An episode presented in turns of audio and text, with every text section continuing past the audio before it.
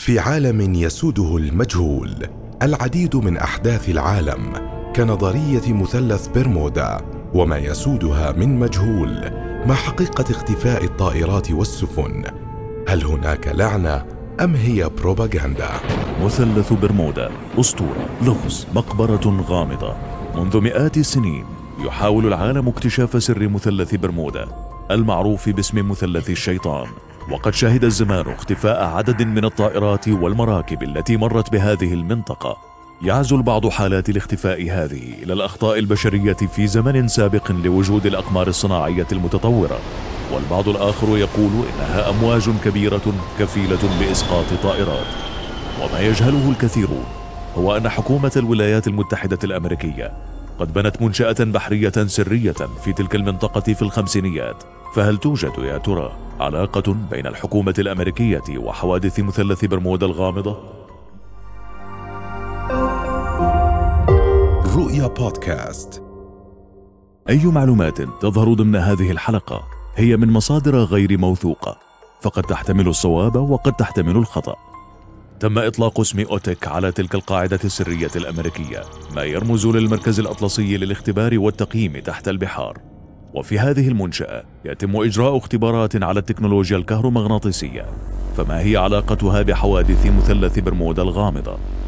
يقدر البعض أن هناك ما يقارب ألف قارب وطائرة اختفت ضمن مثلث برمودا موقعة ثمانية آلاف ضحية مع انتهاء الحرب العالمية الثانية خرجت خمس قاذفات توربيد في مهمة تدريب روتينية فوق مثلث برمودا وفقدت بدون تفسير يتم إرسال طائرة بحرية ضخمة للبحث عن الطائرات الخمس اختفت بدورها بلا أثر. أيحتمل أن يكون ما حدث في رحلة الطائرات الخمس عام 1945 قراءة خاطئة للبوصلة فقبل اختفاء الطائرات. كانت هناك رسائل متقطعة من قائد السرب يقول فيها إن مؤشر بوصلته يتحرك بجنون. وانتهى الأمر بادعاء البحرية الأمريكية أن السرب المفقود تحطم في المحيط. لكن هذا لا يفسر عدم العثور على أي حطام أو جثث للطيارين وكأن الطائرات ومن بداخلها اختفت تماما. الشك في دور أوتك ينبع من إشاعات عن كون تلك المنشأة مقرا سريا لتجارب كهرومغناطيسية سرية للغاية أجرتها البحرية خلال الحرب العالمية الثانية. فهناك تجربة مزعومة للبحرية في الأربعينيات تسمى Project Rainbow وكانت غالبا مشروعا مجهولا خلال الحرب كانوا يحاولون من خلاله أن يجعلوا السفن غير مرئية بالنسبة للرادار ولكن هل كانت البحرية الأمريكية حقا على استعداد للتضحية بأرواح الكثيرين فقط للقيام بتجارب كهرومغناطيسية؟ وهل كان الخطأ الوحيد الذي اقترفه آلاف الأشخاص الذين اختفوا في مثلث برمودا هو أنهم دخلوا دون أن يدركوا أنهم وسط تجارب سرية يتم إجراؤها في أوتك؟ الإجابة هي نعم البحرية الأمريكية كانت تجري أبحاثا سرية لاختبار تكنولوجيا كهرومغناطيسية. ولكن كي تنجح هذه التكنولوجيا كان عليهم أن يختبروها على طائرات وسفن حقيقية. وهي تلك السفن والطائرات التي تمر بالقرب من القاعدة أي على حساب البشرية. اختبار هذه التكنولوجيا على البشرية ليس بالأمر الجديد على الحكومات فهي غالبا ما تختبر تقنيات وأدوية وأسلحة جديدة على الشعوب. حتى وإن أدى ذلك لضحايا بشرية. بل وحتى وإن كانت تلك الضحايا من الجيش الأمريكي نفسه فالأرواح البشرية ثمن زهيد تدفعه مقابل سلاح جديد وتكنولوجيا جديدة تستخدمها في حربها ضد العالم. ما نتيجة تلك الاختبارات إذن؟ لدى الولايات المتحدة وغيرها من الدول اليوم قنبلة كهرومغناطيسية تحت اسم مشروع تشامب تطلق هذه القنبلة شعاعا من الطاقة على هدف محدد أو بناء أو مجموعة مبان.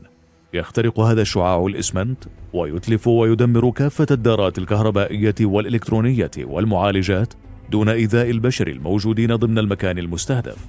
ويمكن للقنبلة الواحدة أن تدمر إلكترونيا منطقة مساحتها كيلومتر مربع وتعيدها إلى عصور ما قبل التاريخ.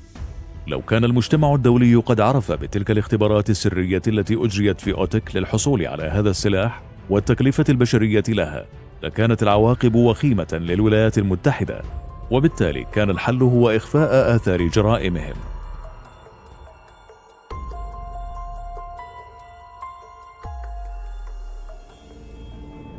لطالما كان شغف الإنسان بالماورائيات هو ما يدفعه للاكتشاف والتطوير من أجل الوصول للمستقبل ولكن منا من يهوى الأسهل كالسفر عبر الزمن.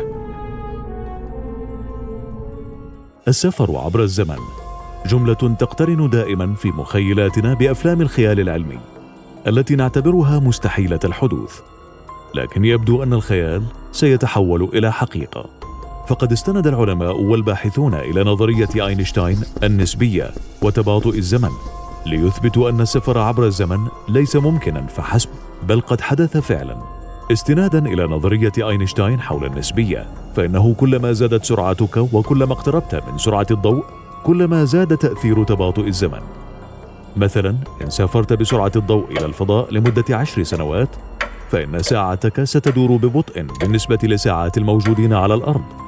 والعشر سنوات التي عشتها في الفضاء ستعادل آلاف السنين على الأرض وبالتالي ستعود لزمن متقدم جدا. قد تبدو هذه الفكرة مجنونة ولكن مثل أي نظرية علمية جيدة يمكن اختبارها. في سبعينيات القرن العشرين استقل العلماء طائرة تحتوي على ساعة ذرية فائقة الدقة. كانت متزامنة مع ساعة أخرى مثلها على الأرض. بعد أن حلقت الطائرة في جميع أنحاء العالم أظهرت الساعة على متنها وقتا مختلفا عن تلك التي على الأرض ولأن سرعة الطائرة كانت قليلة مقارنة مع سرعة الضوء فإن التأثير كان ضئيلا للغاية ولكن كلما زادت سرعة تحركنا كلما تباطأ الوقت. فبالنسبة لرواد الفضاء الذين يدورون حول الأرض لمدة 800 يوم الفرق أكبر. اذا لماذا لا نسافر عبر الزمن الآن؟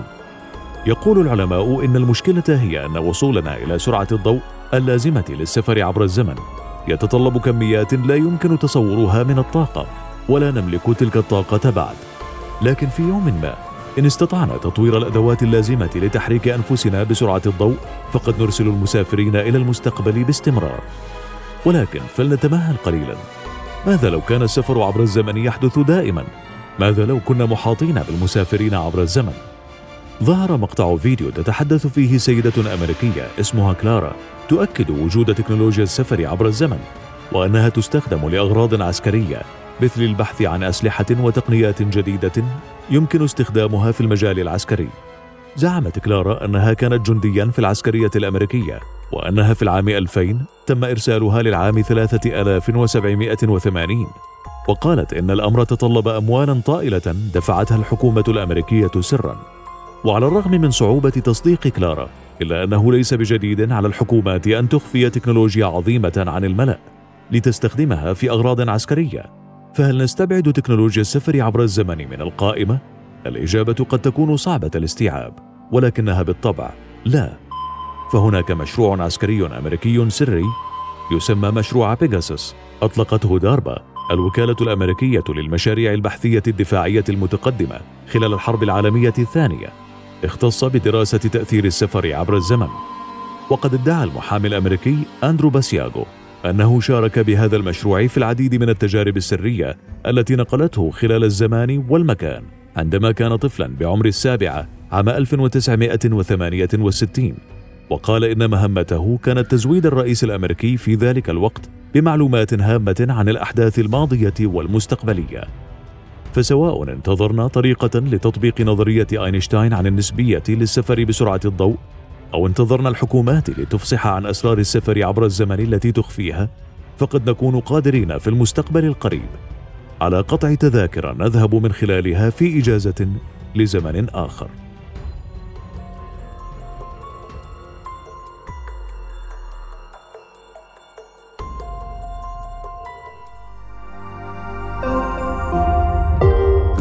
رؤيا بودكاست